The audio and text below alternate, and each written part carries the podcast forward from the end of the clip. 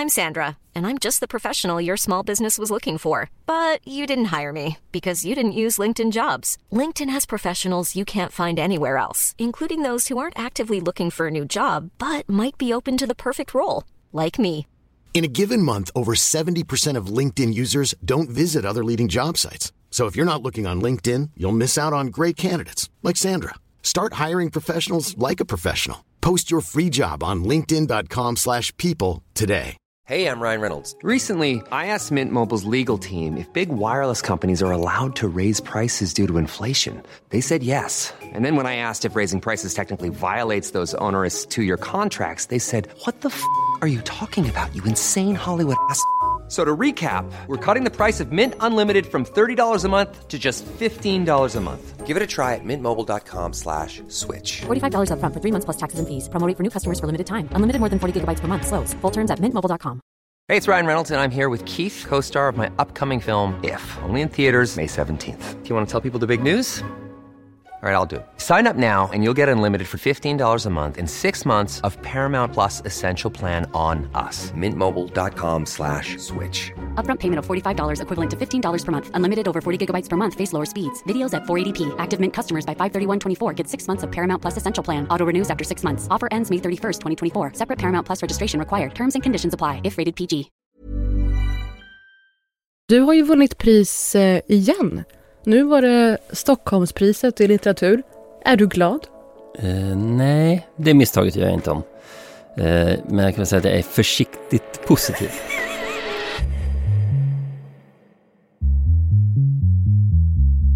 Hur var Norge? Ja, ehm, ja, det var min första gång i Norge. Det låter ju som ett ställningstagande, inser jag, och norrmännen som jag träffade. Ja, det är gränsar ju till Norgehat. De blev kränkta faktiskt. Ehm, och jag vet inte om det är den här stora, stora nationalismen de De blev bär kränkta på. när du berättade att du inte har varit i Norge. Ja. Ja, men det förstår jag. Okej, Där Men- är jag team Norge. ja okej. Ja, vi får se om du är det när jag har eh, berättat klart om min helg. Du har hört lite om det här redan, men jag tror vi måste tillbaka till 1905. Ja, det var någonting viktigt som hände då. Ja, unionen upplöstes.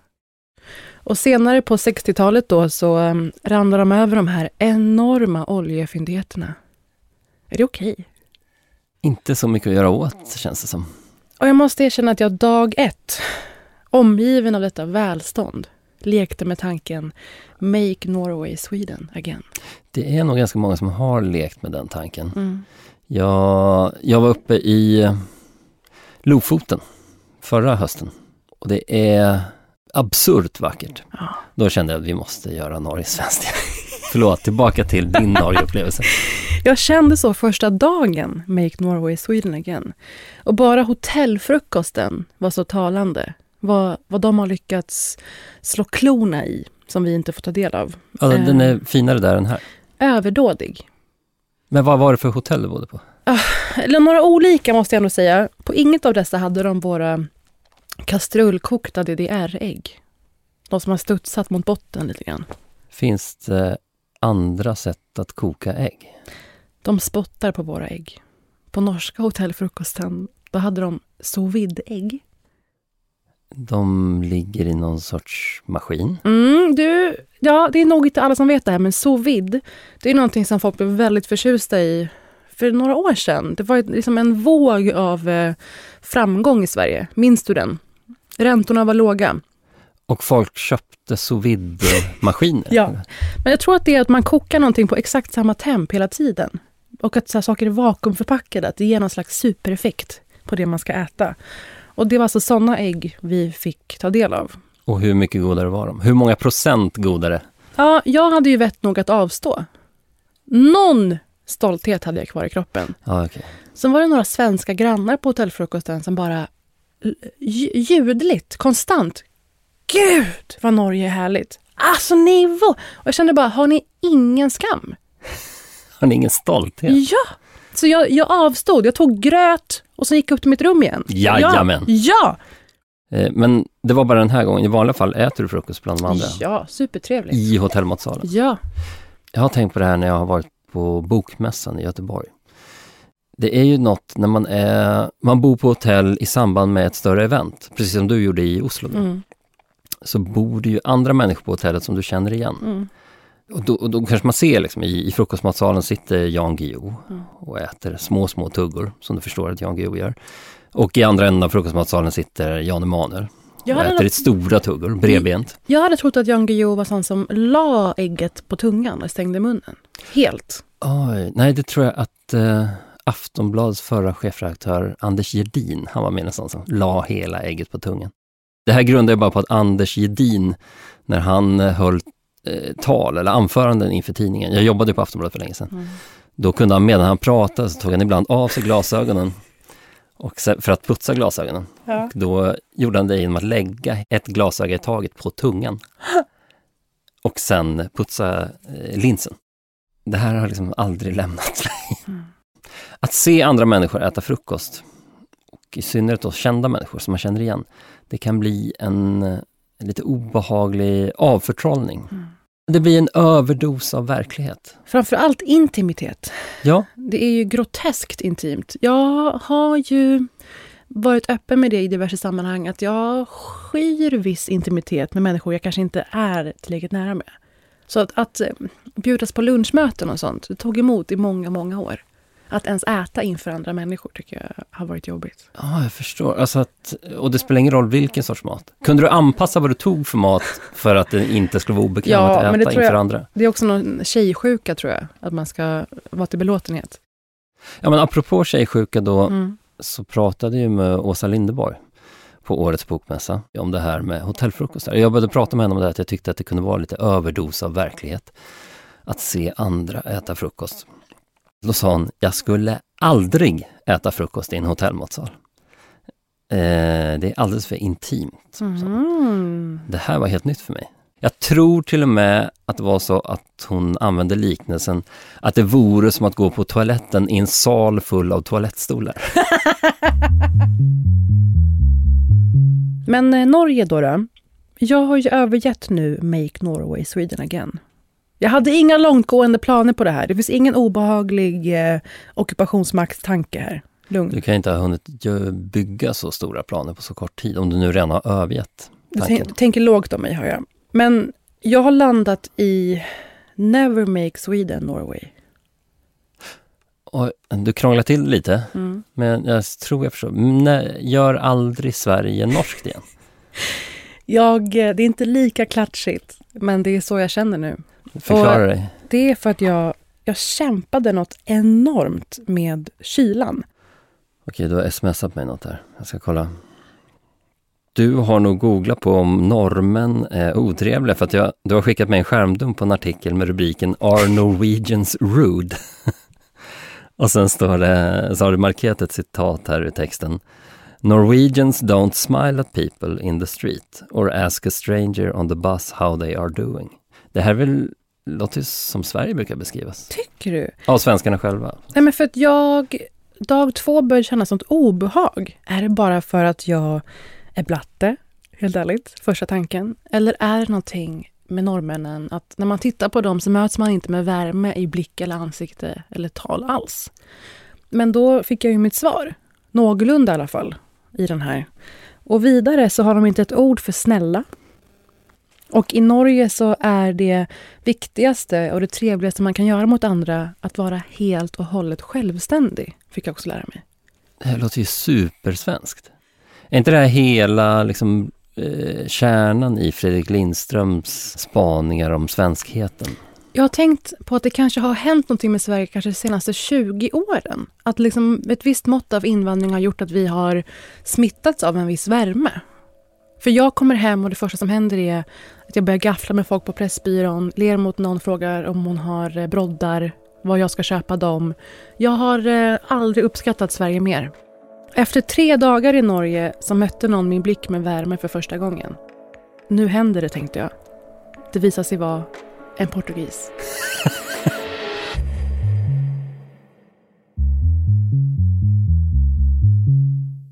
Titta på mig. Mm. Oj. Känner du igen den här blicken? Ja, tack. Alltså blicken som jag har på mig idag. Aha. Vad är det för blick? Glasögonprydd. Ja, Men bakom glasögonen, Svarta belgiska ögon.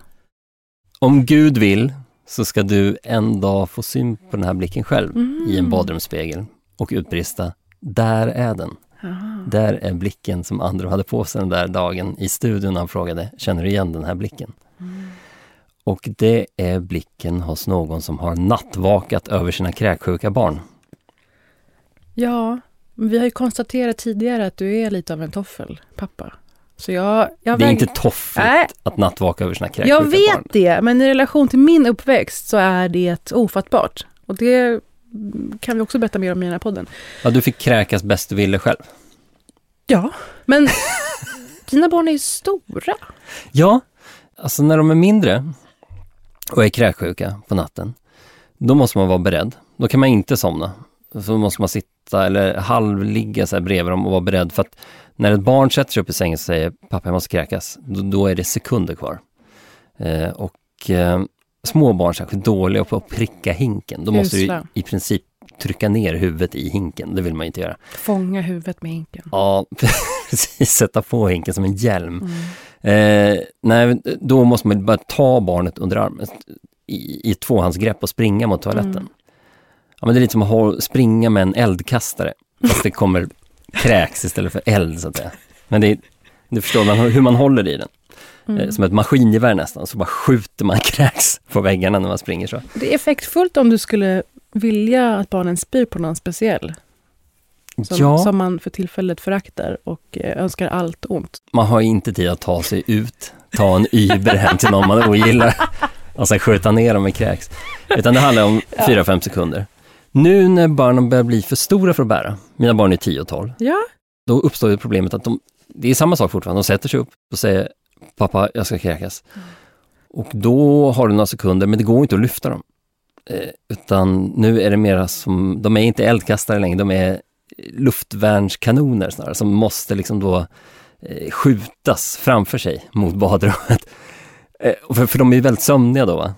du måste ha inlines på barnen. Ja, ja, det borde man ha. Alltså det finns inte ett problem jag inte kan lösa. Fortsätt. Det är nästan skrämmande hur snabb i tanken du är. Det är klart de skulle haft inlines på sig. Att jag borde ha satt hjul på barnen. För att när de är så här sömniga, de är ju... Alltså det är ganska tungt att, att trycka dem framför sig mot badrummet.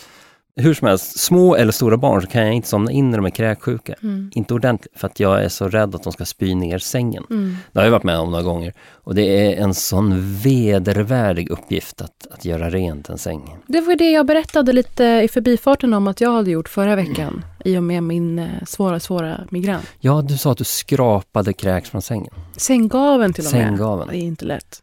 Och det värsta är att jag gjorde misstaget att försöka stoppa det med min hand. Och det skapade ju bara en sprinkler av fingrar Ah. framför munnen. Förlåt, orkar folk höra mer om det här? Ja, ja. Men olika kroppsliga Det är funktioner. kräksjukesäsong. Det är temat för hela avsnittet. Folk behöver få kanalisera känslorna Men- inför kräksjuka. Får jag fråga, är du också en sån förälder som tycker om att känna dig lite behövd också när barnen är sjuka? Förbjuden Ja, tanke. du menar att jag har lite lätt Münchensen syndrom tendens? Mm. Kanske. Jag tycker att det är skön, en skön sak när de är sjuka. Det är att de är hemma och ligger still Mm. och kan inte eh, trilla ner från ett träd eller bli nedslagna, eh, typ eh, förnedringsrånade eller något annat, utan då ligger de bara där och är varma och stilla. Det är ingen som säger de här fördelarna. Men jag såg att vår producent Erik, som själv har barn hemma, blev lite vit i ansiktet när jag nämnde kräksjukan här. För nu tror ju han att jag har dragit med mig kräksjukan hit. Så att han får med sig kräksjukan hem till sina barn. Då får han också högre kindben. Som vi pratade om med Cynthia Nixon förra veckan. Just det. Men vad vår producent Erik inte vet är att jag är im- immun mot Det är effektfullt, ditt sjukaste skryt hittills. Sjukaste Verkligen. Du påstår dig vara immun mot vinterkräk. Mot all magsjuka. Det här är min enda superkraft i livet. Men det är möjligt att jag kan bära med mig kräksjukan då, alltså att kräksjukeviruset kan använda min kropp som ett fordon. Alltså att jag kan ha med mig det hit ändå. Eller så tar du en Uber hem till någon du inte gillar. Och ger dem extra. Skakar hand.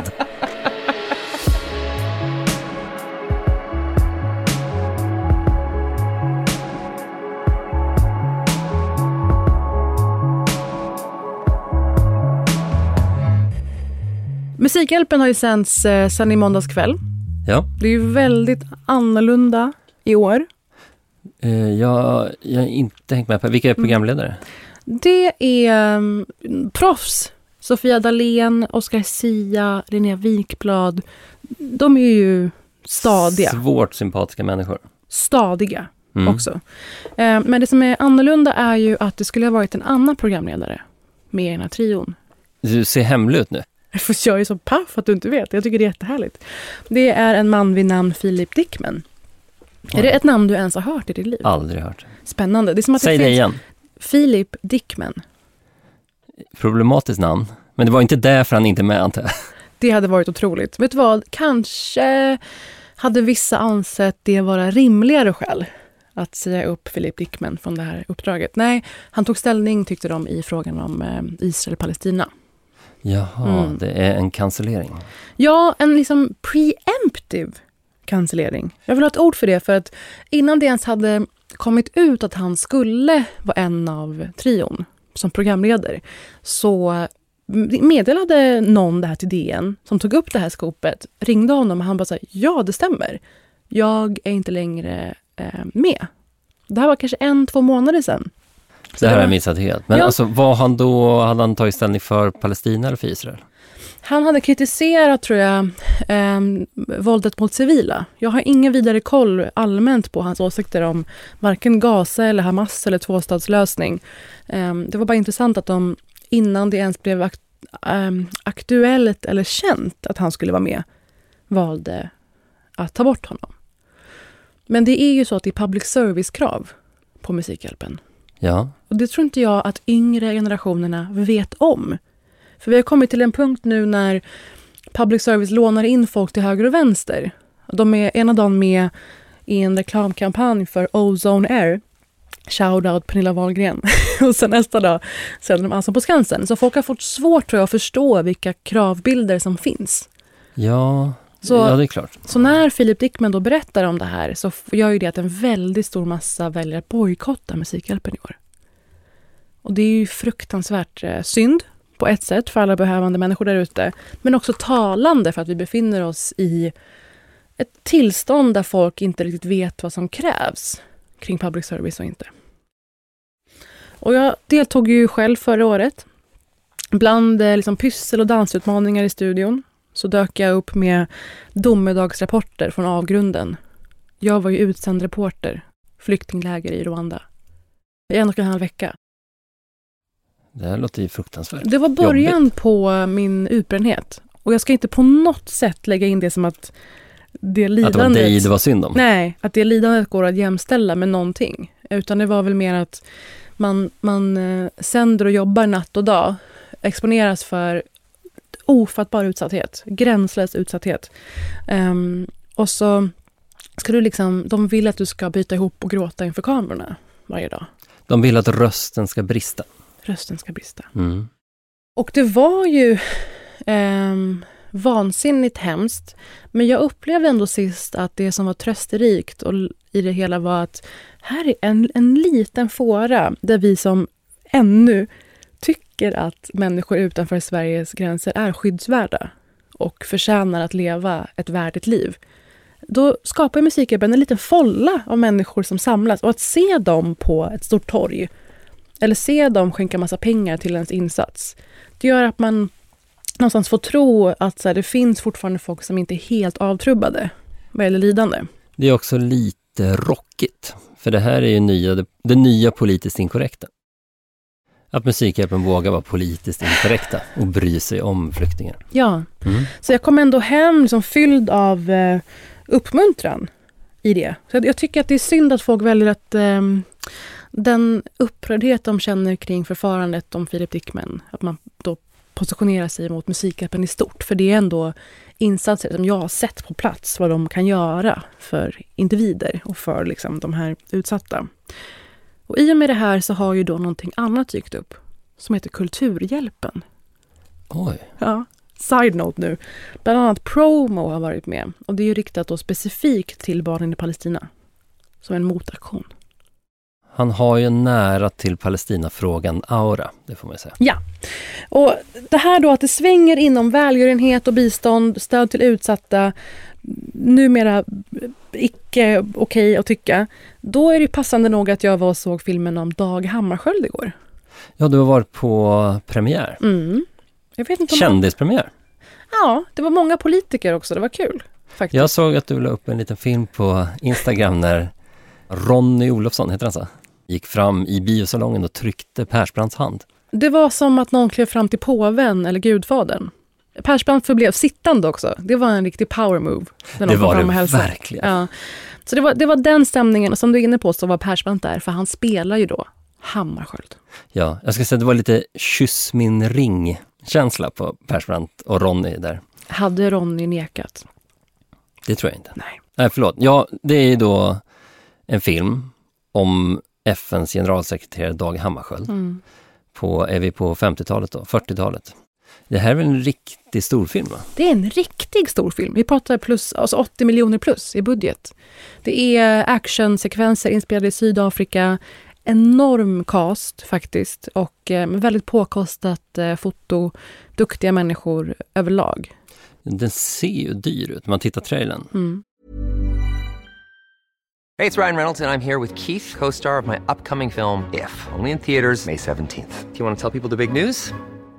All right, I'll do it. Sign up now and you'll get unlimited for $15 a month in six months of Paramount Plus Essential Plan on us. Mintmobile.com slash switch. Upfront payment of $45 equivalent to $15 per month. Unlimited over 40 gigabytes per month. Face lower speeds. Videos at 480p. Active Mint customers by 531.24 get six months of Paramount Plus Essential Plan. Auto renews after six months. Offer ends May 31st, 2024. Separate Paramount Plus registration required. Terms and conditions apply if rated PG. Hiring for your small business? If you're not looking for professionals on LinkedIn, you're looking in the wrong place. That's like looking for your car keys in a fish tank.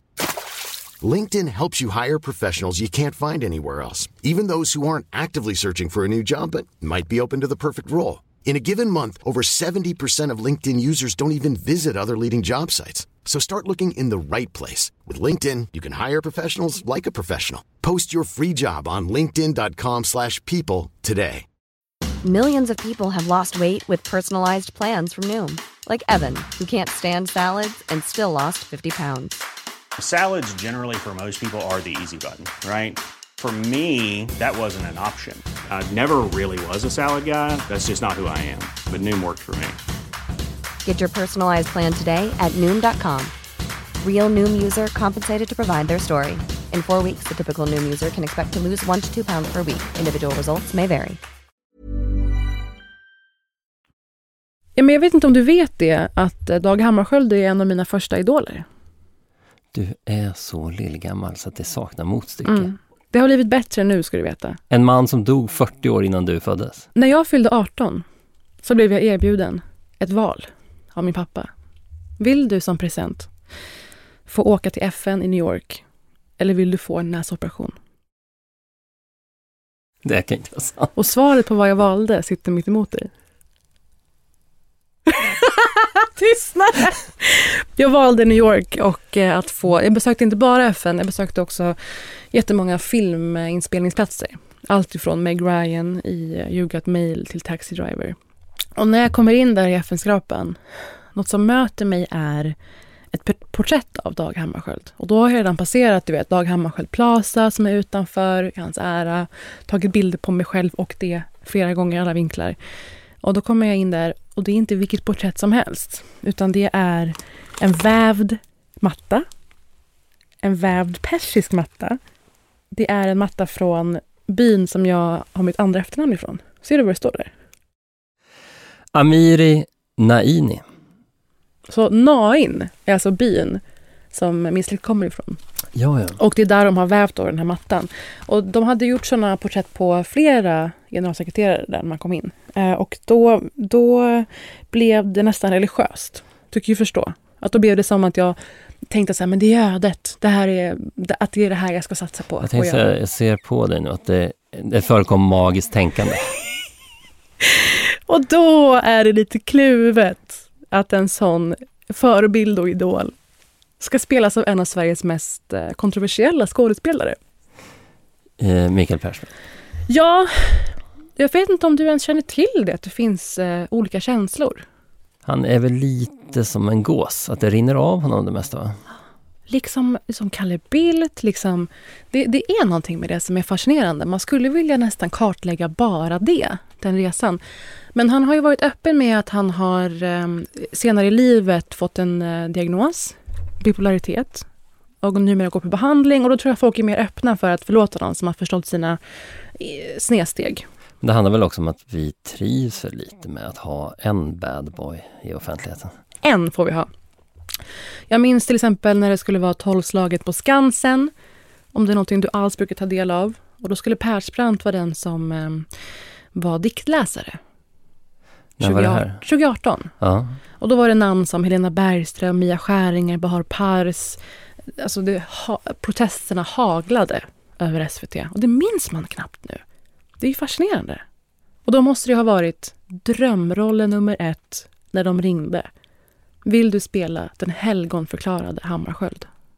Ja, du menar att det blir som en lite whitewashing av Persbrandt? Det är... Pure PR. Oh, där Känner ni igen? Igen? Det är knappen från förra veckan som jag fortfarande tycker om. Det är Pure PR. Han har så himla fint uttal på Pure PR. Ja, det är något med den rösten. Det är som för förra veckan om eh, Israels eh, interaktiva kartor för att hjälpa de som flyr bomber i Gaza. Om ni kände igen den. Och då var det med de förväntningarna, de känslorna som jag klev in i filmsalongen igår. Som du var inne på, det var olika kändisar där. Jag tog en selfie med Jan Eliasson. Jag försökte få en med Kalle Bildt. Han satt redan, blev inget. Ulf Kristersson satt på långt avstånd. Såg väldigt nöjd ut. Kul. Jag såg den filmen, men då hade jag inte glasögonen på mig. Så det var, jag, jag, jag får bara ta ditt ord på att det var Kristersson jag såg. Mm. Och mm, du har redan reagerat på någonting vet jag med Persbrandt. Om det inte har framgått med all önskvärd tydlighet så har jag ju redan sett trailern. Ja, men jag tycker alla kanske kan få höra en liten gnutta av den för att veta vad det är för stämning, bombastisk stämning. Och hur Persbrandt sköter sig. Dag Hammarskjöld has become a world-renowned superstar of the diplomacy scene. There is a military coup underway in the Congo. The first reaction to decolonization. UN is committed to a free, united Congo. They don't want change. They want power. Good morning, Mr. Hammarskjöld. Jag vet att du är ett stort Dag Hammarskjöld-fan. Du ser ut som att du är, var tagen av den här filmen. Jag var det. Men jag märkte också att du reagerade på någonting under trailern. Alltså det... Jag skäms för det här. Det finns ingen tröttare spaning än, än att en svensk skådespelare eller politiker har dåligt engelskt uttal. Med det sagt så är det lite kul att Mikael Persbrandt har ett sämre, eller ska vi säga obekvämare engelskt uttal 2023 än vad Dag Hammarskjöld själv hade 1955. Kan vi bara, det finns ju en replik där i trailern som jag reagerade på. Kan vi få höra den igen? There's thousands of people at risk of dying.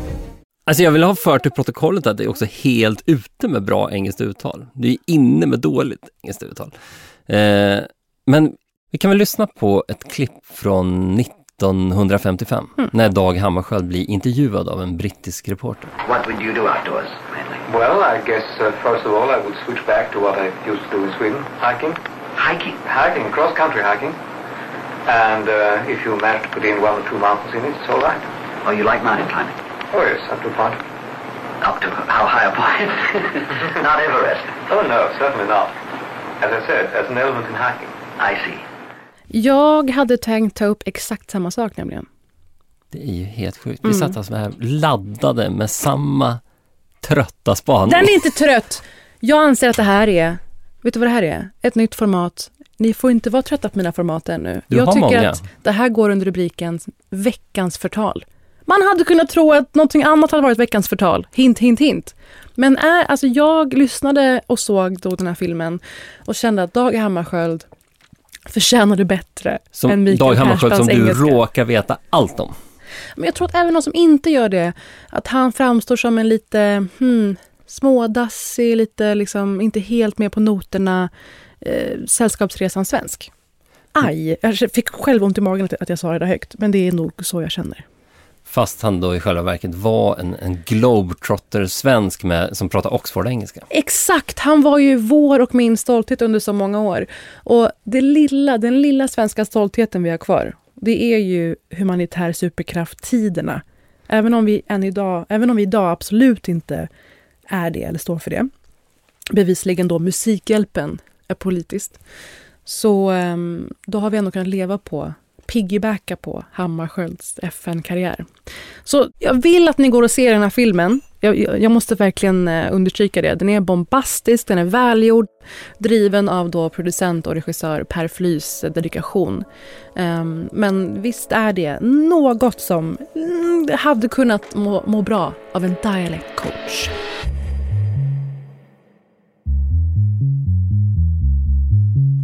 Jag mässade ju Emma Frans, epidemiologen, Aha. och frågade om man kan bära med sig kräksjukeviruset som ett fordon för kräksjukeviruset, mm. även om man själv är immun, som jag är. Detta som du då kallar blygsamt skryt. Mm. Men nu mässar jag ändå och frågar, kan man då, är jag ändå en riskfaktor för er? Mm. Och framförallt då för, för Erik, vår producent, som själv har barn hemma och är livrädd för att jag ska då smitta honom med kräksjukan. Eh, ja, men Emma svarar att visst kan man det.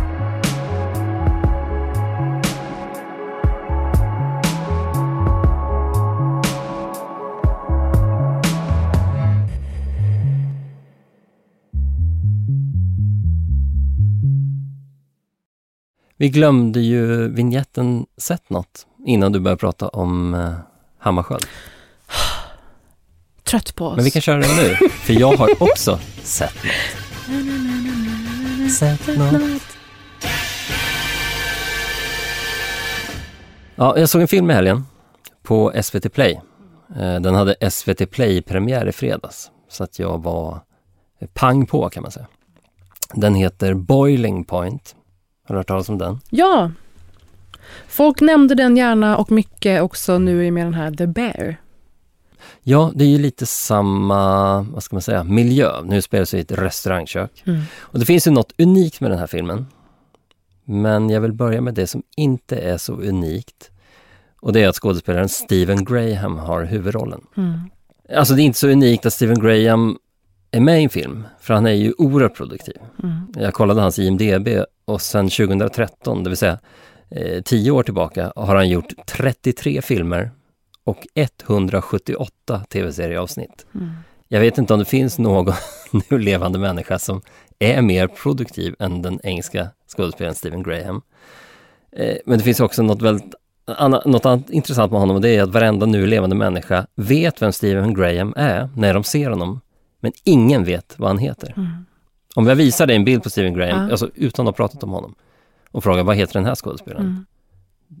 Du vet inte va? Alltså inte ens jag, vars dagar är fyllda av diverse skådisnamn och ansikten. Men det du för efter här nu, det är att han är känd vid ansikte. Det är ju någonting med sådana. Det borde vara en, en egen kategori. Att det är en ansiktskändis. Ja, för han har inget kändisnamn. Eh, Steven Graham, det heter man om man är typ vänsterback i mm. Crystal Palace eller någonting. Okay. Det är ju inte ett namn som man, som man bär med sig på, eh, till Hollywood. Nej. Jag har ändå gjort ganska många Hollywoodfilmer. Men jag skulle säga att det mest är namnets fel, att man inte minns vad han heter. Men han har ju också ett ganska speciellt ansikte. Han är ju svenskättling. Mm. Eh, han är ju kanske mest känd från ja, genombrottet i miniserien This is England. Om du kommer ihåg den? Där han spelar skinnhuvudet Combo i flera eh, säsonger. Eh, och så nu i, i höstas så var han ju skurken då i tv-serien Bodies. En stor Netflix-satsning. Som Ingen jag pratat med har sett den, men jag har sett den. Jag tyckte den var jättemysig. Tidsresemord mysteriefilm. Det känns som att du ser mycket sånt som min pappa också tittar på. Det är möjligt att han och min smak överlappar. Jag längtar efter ert specialavsnitt. Att det, det kan vara så att ordet du letar efter är killfilmsmak. Jag sa inte det så. Jag sa mm. inte så. Nej, men jag såg det på dig. Mm. Jag tycker väldigt bra om Stephen Graham. Men kanske inte lika bra som jag tyckte om Stephen Graham innan det gick upp för mig att Stephen Graham och Paddy Considine inte är samma person. Känner du igen namnet Paddy Considine? Men... Det har ju en helt annat eh, tryck, det namnet. Paddy Considine, jag är inne och kollar nu. Det är ju någon jag känner igen. Jag vill känna att det är mycket Game of Thrones-aktigt. Ja, Han spelar ju den här kungen som vittrar sönder i spetälska i Game of Thrones eh, Oh! spin-offen House of the Dragon. Som vi ser ligga på en ung vacker kvinna med sin eh, ruttnande kropp. Ja, det är då sådana s- leprasår på ryggen. Ganska Mm. Det är tyvärr så jag föreställer mig alla som har en äldre manlig partner. Eh, ja, men sida vid sida är ju Graham och Considine inte så lika. Möjligen mjukt rasistiskt att det är så svårt för mig som svensk att se skillnad på britter. Oh, nytt ord, mjuk rasism. Ja, mjuk rasism kanske. Eh, men jag har ju då i alla år trott att eh, Stephen Graham och Paddy Considine är samma skådespelare. Mm. Och nu när det gick upp för mig i helgen att de inte är samma skådespelare. Så eh, det var en ganska märklig känsla. Det sker ju då en celldelning av de här två männen eh, i mitt inre. Att de blir plötsligt två personer. Och man kan väl säga att Paddy Considine är ju den stora förloraren på upptäckten att de här två männen inte är samma person. Eh, Jag fattar vad du menar. Båda har samma brittiska mm, ansikte som långsamt blir till hängande deg. Ja, jag är rädd att du träffade prick rätt Förlåt. i den beskrivningen. Ja. Men ja, vi är lite där. Men jag kommer tänka på det här att det är som att vara... Det är som att jag också har brunt hår. De få tillfällen en person tilltalar mig för att de tror att jag är någon de känner igen eller känner till så är det med största sannolikhet Shima Niavarani eller Gina Dirawi de tror att de pratar med. Och det här har blivit en sån vanlig del av mitt liv att jag nu bara åker med och tänker att det gynnar väl oss alla. Shima, Gina och mig. Att det liksom, vi skjutsar runt eh, Ni till är som varandra. en organism Ja! Jag har bara börjat acceptera som det. syns överallt. Så säger så, de är säger att, så mångbegåvad Vad organism. kul med din show på Rival. Ja, tack ska du ha. Fint. Då fattar jag att det är Shima. Men är det här också då ett exempel på mjukt rasistiskt? Alltså det är ju verkligen, man får bara bestämma sig för att så här, är det här någonting vi alla gynnas av eller finns det någon risk för att missgynnas av det här? Om det fanns en av oss som skulle vara, hur skulle man säga nu, vad skulle vara värsta tänkbara? Någon slags alternativ extremistperson. Då hade jag ju varit noga med att säga nej, jag är P. Amiri. Men nu är jag ju så här, ja, fine. Det är absolut jag som har politikbyrån, eller vad det nu är den veckan. Ehm, jag tycker att det borde dock vara lätt att urskilja mig, i och med att jag är den enda av oss bruna i tv som har en stor näsa. Så jag finner mig i att dela på någon slags glans med dem, så länge de inte tycker att det är, är förkastligt. Så länge du inte ställer till med några extremistdåd. Ja. Men det är ju inte det här som är det speciella med filmen Boiling Point. Mm. Det speciella med filmen Boiling Point är att den är gjord i en enda tagning. Ja. En och en halv timme. Eh, med då i ett stökigt restaurangkök. Med kanske tiotal karaktärer i Mm. handlingens kärnhus. Kanske ytterligare 30 karaktärer eller statister och sånt i utkanten av handlingen. Mm. Eh, och människor glider ut och in ur handlingen. Eh, och Kammarspel mer. Ja, men det är inte som i krigsfilmen 1917 som ser ut att vara en tagning. Mhm. Men i själva verket är upp mot 60 tagningar. Mm. Eh, Men det är väldigt elegant gjort så att det ska se ut som en tagning. Jag är ju svårt förtjust i den filmen. Mm. Eh, men Boiling Point är då verkligen gjord i en enda tagning. Och vad är det som går igång då, av det faktumet? Det brukar ju skämtas en del på internet Mm. Om att det bara är killar som bryr sig om långa tagningar på film. Mm. Alltså typ sån här restaurangscenen i Maffiabröder. Ja men den här bakhållsscenen i Children of Men med Clive Owen och Julian Moore. Det är väl kanske den mest kända en tagning-scenen. Den Men- är otrolig. Att de... Är det anspråket, är det skickligheten? Vad exakt är det som tjusas? Men vadå, du menar att eh, du ser inte alltför imponerad ut. Är det så att, Jo, det, jo. att det stämmer att det bara är killar som Nej, om alltså långa jag, tagningar? jag undrar vad du personligen går igång på vad gäller den långa, långa. Jag menar att det blir som en match i matchen. Mm. Eh, I alla fall när jag vet det, alltså andra gången jag ser det. Så blir det som att filmen i sig är en historia. Och så blir det som en pålagd historia, eh, nästan någon sorts eh, idrottslig utövning. Att, att se, kan de ro hem den här tagningen? Men jag, jag är ju väldigt svag för långa tagningar. Och det här var ju då nästan långa tagningar porr. Alltså en, en film på en och en halv timme i en enda tagning. Eller som det brukar kallas i verkligheten, teater. Och nu när du ändå har eh, dragit ut och sett något formatet Jag var ju i Norge delvis då för att jag var där att se The Crowns finalvisning och du envisas ju med att se The Crown först under jultid. Är det fortfarande så? Som man ska. Man sparar The Crown till mellandagarna. Och det är ju mycket, mycket snart. Och jag fick då se det absolut sista avsnittet. Absolut sista säsongen. Och det ska du nu spoila. Och det ska jag akta mig för att spoila. För jag tror att det är många som andra som vill se allt det här i ett höj när det väl kommer. Men det som har gjort The Crown till en storslagen historia, kände när jag satt där, det är inte bara de här intima porträtten av uppburna människor bakom kulisserna. Eller att det är ett tidsdokument. Det som jag lockas av kanske också att politiken är med. Det blir eh, historiska eror. Utan också att det är kanske den enda familjen som är märkligare än ens egen. Och det framkommer väldigt mycket tycker jag i just finalen. Det är ju en märklig familj och det här är ju då sagt av en man som har skrivit om sin uppväxt med sju olika pappor. Och jag håller på att skriva om min familj och min uppväxt. Inte minst hintat om i relation till kräk... Du har hintat om att den möjligen är ännu märkligare. Kräksjukan som nämndes nyss. Um, nej men så jag såg den och blev djupt eh, drabbad och rörd allmänt av hur de hanterade det som inte alls är en spoiler. Och det är ju det att, att den enda konstanten i serien, alltså drottningen, Elizabeth, har ju dött sen sist. Um, så förutom det här förlorad position som land och som familj, att under hennes levnadstid så går ju Storbritannien från att vara ett imperium med faktiskt inflytande till mer och mer ett uland, som det är idag. Till att familjen ju går igenom en rad skandaler. I och med att hon ens tillträder så tycker jag att det här går att se helt fristående. Så beroende på om ni gör som andra och bara köttar igenom hela säsongen eller om ni vill vara lite mer sparsamma slänger på sista. Jag nämnde ju Dag Hammarskjöld tidigare, som har vunnit fredspriset tidigare. Och nu då till årets fredspristagare. Jag var ju med om en fruktansvärt omskakande upplevelse i helgen. Berätta. På plats i Oslo rådhus. Det är en så vacker plats, enorm plats. Där undrar man dem allt, norrmännen.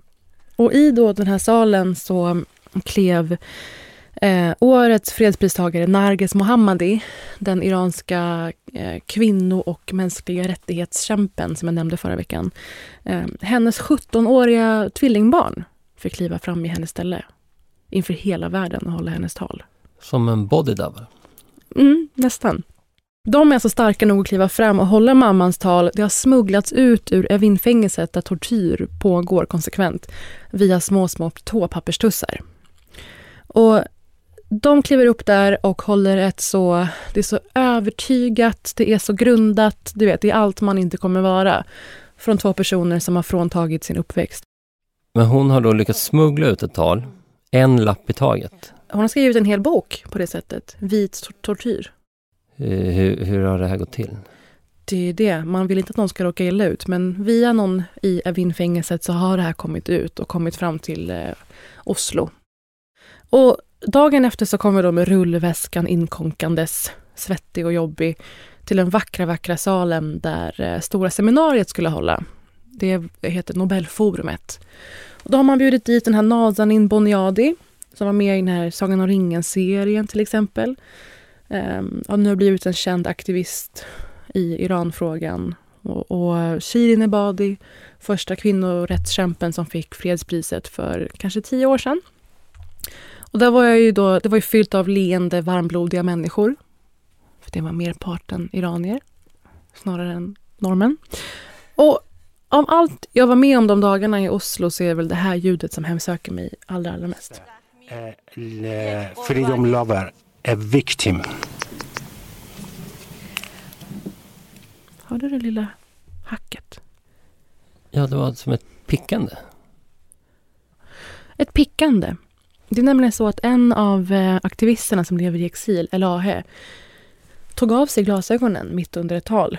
Slog stenhårt på plastögat hon har behövt stoppa in i huvudet. Efter att iranska regimen skjutit ut hennes öga. Det har ju blivit en proteströrelse eh, i sig att gå runt med synlig, antingen någon slags lapp för ena ögat eller att vara öppen med att det är ett fejköga för att det är så många nu som har förlorat synen av eh, Islamiska regimen. Är det här ett etablerat sätt att straffa människor i Iran? Mm, för då är det som att de, de märker dem. Och istället för att göra den märkningen till något skamfyllt så gör de det till en protesthandling, kan man säga. Och man säger ju “Don't meet your heroes”. Och jag hintade ju om det sist, att mitt, eh, min förhoppning var att få intervjua Marjane Satrapi som har skrivit, gjort eh, Persepolis. Det är en eh, serieroman från början, va? Mm, som är enorm och tidlös. Och Mm. jag tycker man kan applicera det på vilken proteströrelse som helst, även om den är så sjukt specifik för Iran. Och ehm, den intervjun kommer dyka upp i eh, en av tidningarna jag skriver för. Och hon blev intervjuad på scen också. Så min eloge den här veckan är att jag vågade prata med min stora, stora idol. Eh, men men eh, alltså det hon framhöll där, hur de har eh, Eh, livslust och humor som sitt största vapen mot de här regimgubbarna.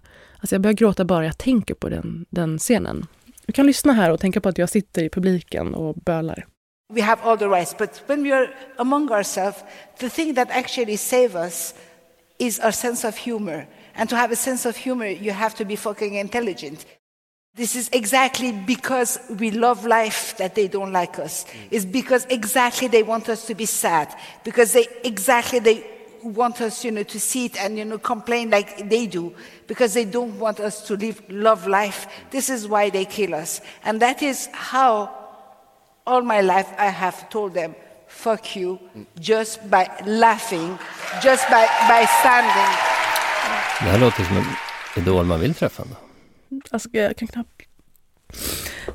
Men du eh, peggade ju upp Mm. det här som Don't meet your eyes. Nej, men man brukar säga det menade jag. Men jag är så tacksam för att jag Jaha, du skrämde slängde upp mig mig. på chansen. Och sen var det bara sympatiskt. Tycker du?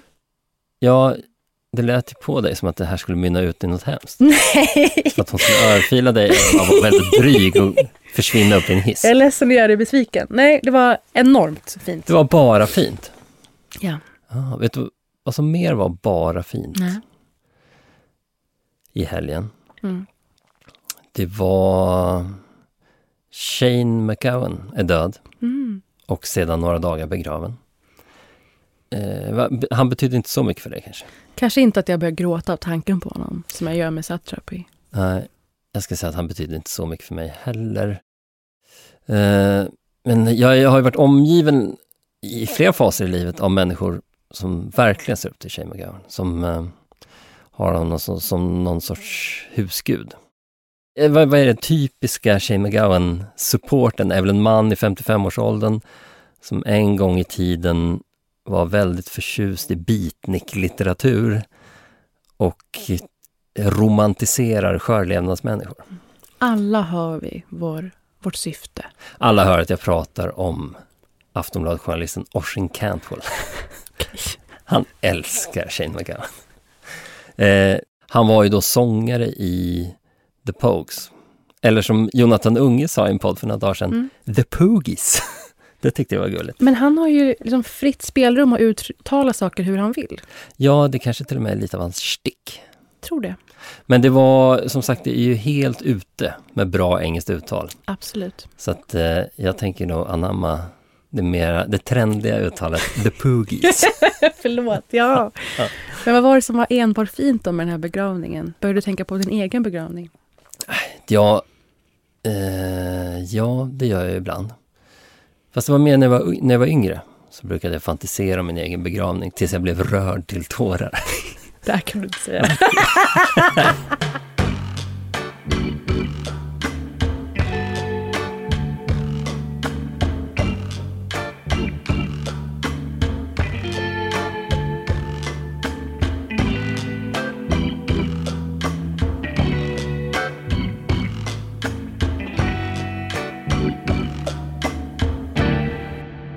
Det har rullat ett klipp på internet Mm.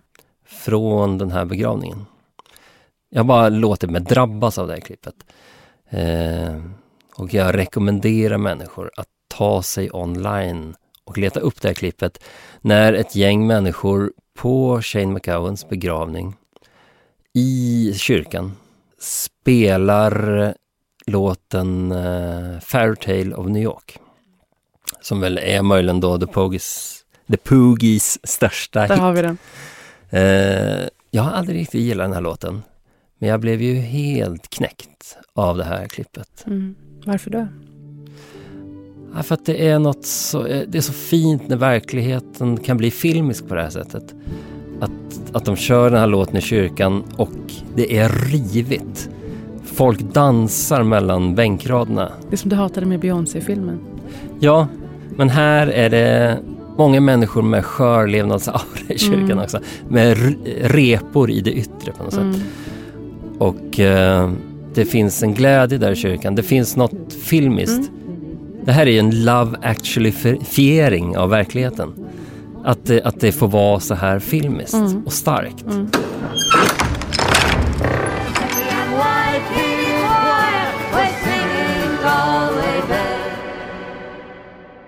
Underbart att få hälla ur sig i detta format med dig varje vecka, Andrev. Men jag börjar trivas i den här studion Jag nu. vet, trevligt. Eh, Första två gångerna så kände jag ett starkt obehag. Det var lite som att gå till tandläkaren. Mm. Nu är det lite som att gå till, inte massören, men typ idrottsmassage. Det här är ju absolut en fristad. Jag menar verkligen det. Jag tycker det är ljuvligt. Så fortsätt tycker jag och peta på mig med allt man vill höra oss prata om. Det är faktiskt kul tycker jag. Och allt som sägs här inne stannar mellan oss. Allt det här. I helvete. Tack så mycket. Hej.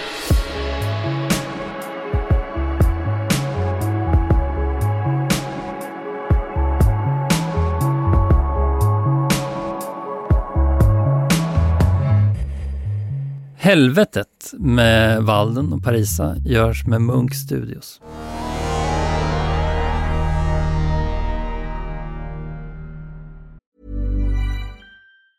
Hi, I'm Daniel, founder of Pretty Litter. Did you know cats tend to hide symptoms of sickness and pain? I learned this the hard way after losing my cat, Gingy. So I created Pretty Litter, a health monitoring litter that helps detect early signs of illness by changing colors, saving you money and potentially your cat's life. Pretty Litter is veterinarian developed, and it's the easiest way to keep tabs on your fur baby's health right at home. Go to prettylitter.com and use code ACAST for 20% off your first order and a free cat toy. Terms and conditions apply. See site for details. Imagine the softest sheets you've ever felt. Now imagine them getting even softer over time. That's what you'll feel with Bowl and Branch's organic cotton sheets. In a recent customer survey, 96% replied that Bowl and Branch sheets get softer with every wash. Start getting your best night's sleep in these sheets that get softer and softer for years to come. Try their sheets with a 30-night guarantee. Plus, get 15% off your first order at bowlandbranch.com. Code BUTTERY. Exclusions apply. See site for details. Hey, it's Paige DeSorbo from Giggly Squad. High quality fashion without the price tag. Say hello to Quince. I'm snagging high-end essentials like cozy cashmere sweaters, sleek leather jackets, fine jewelry, and so much more. With Quince being 50 to 80% less than similar brands.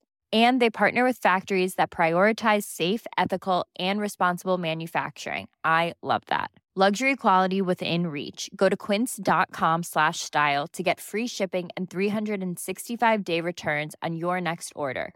Quince.com slash style.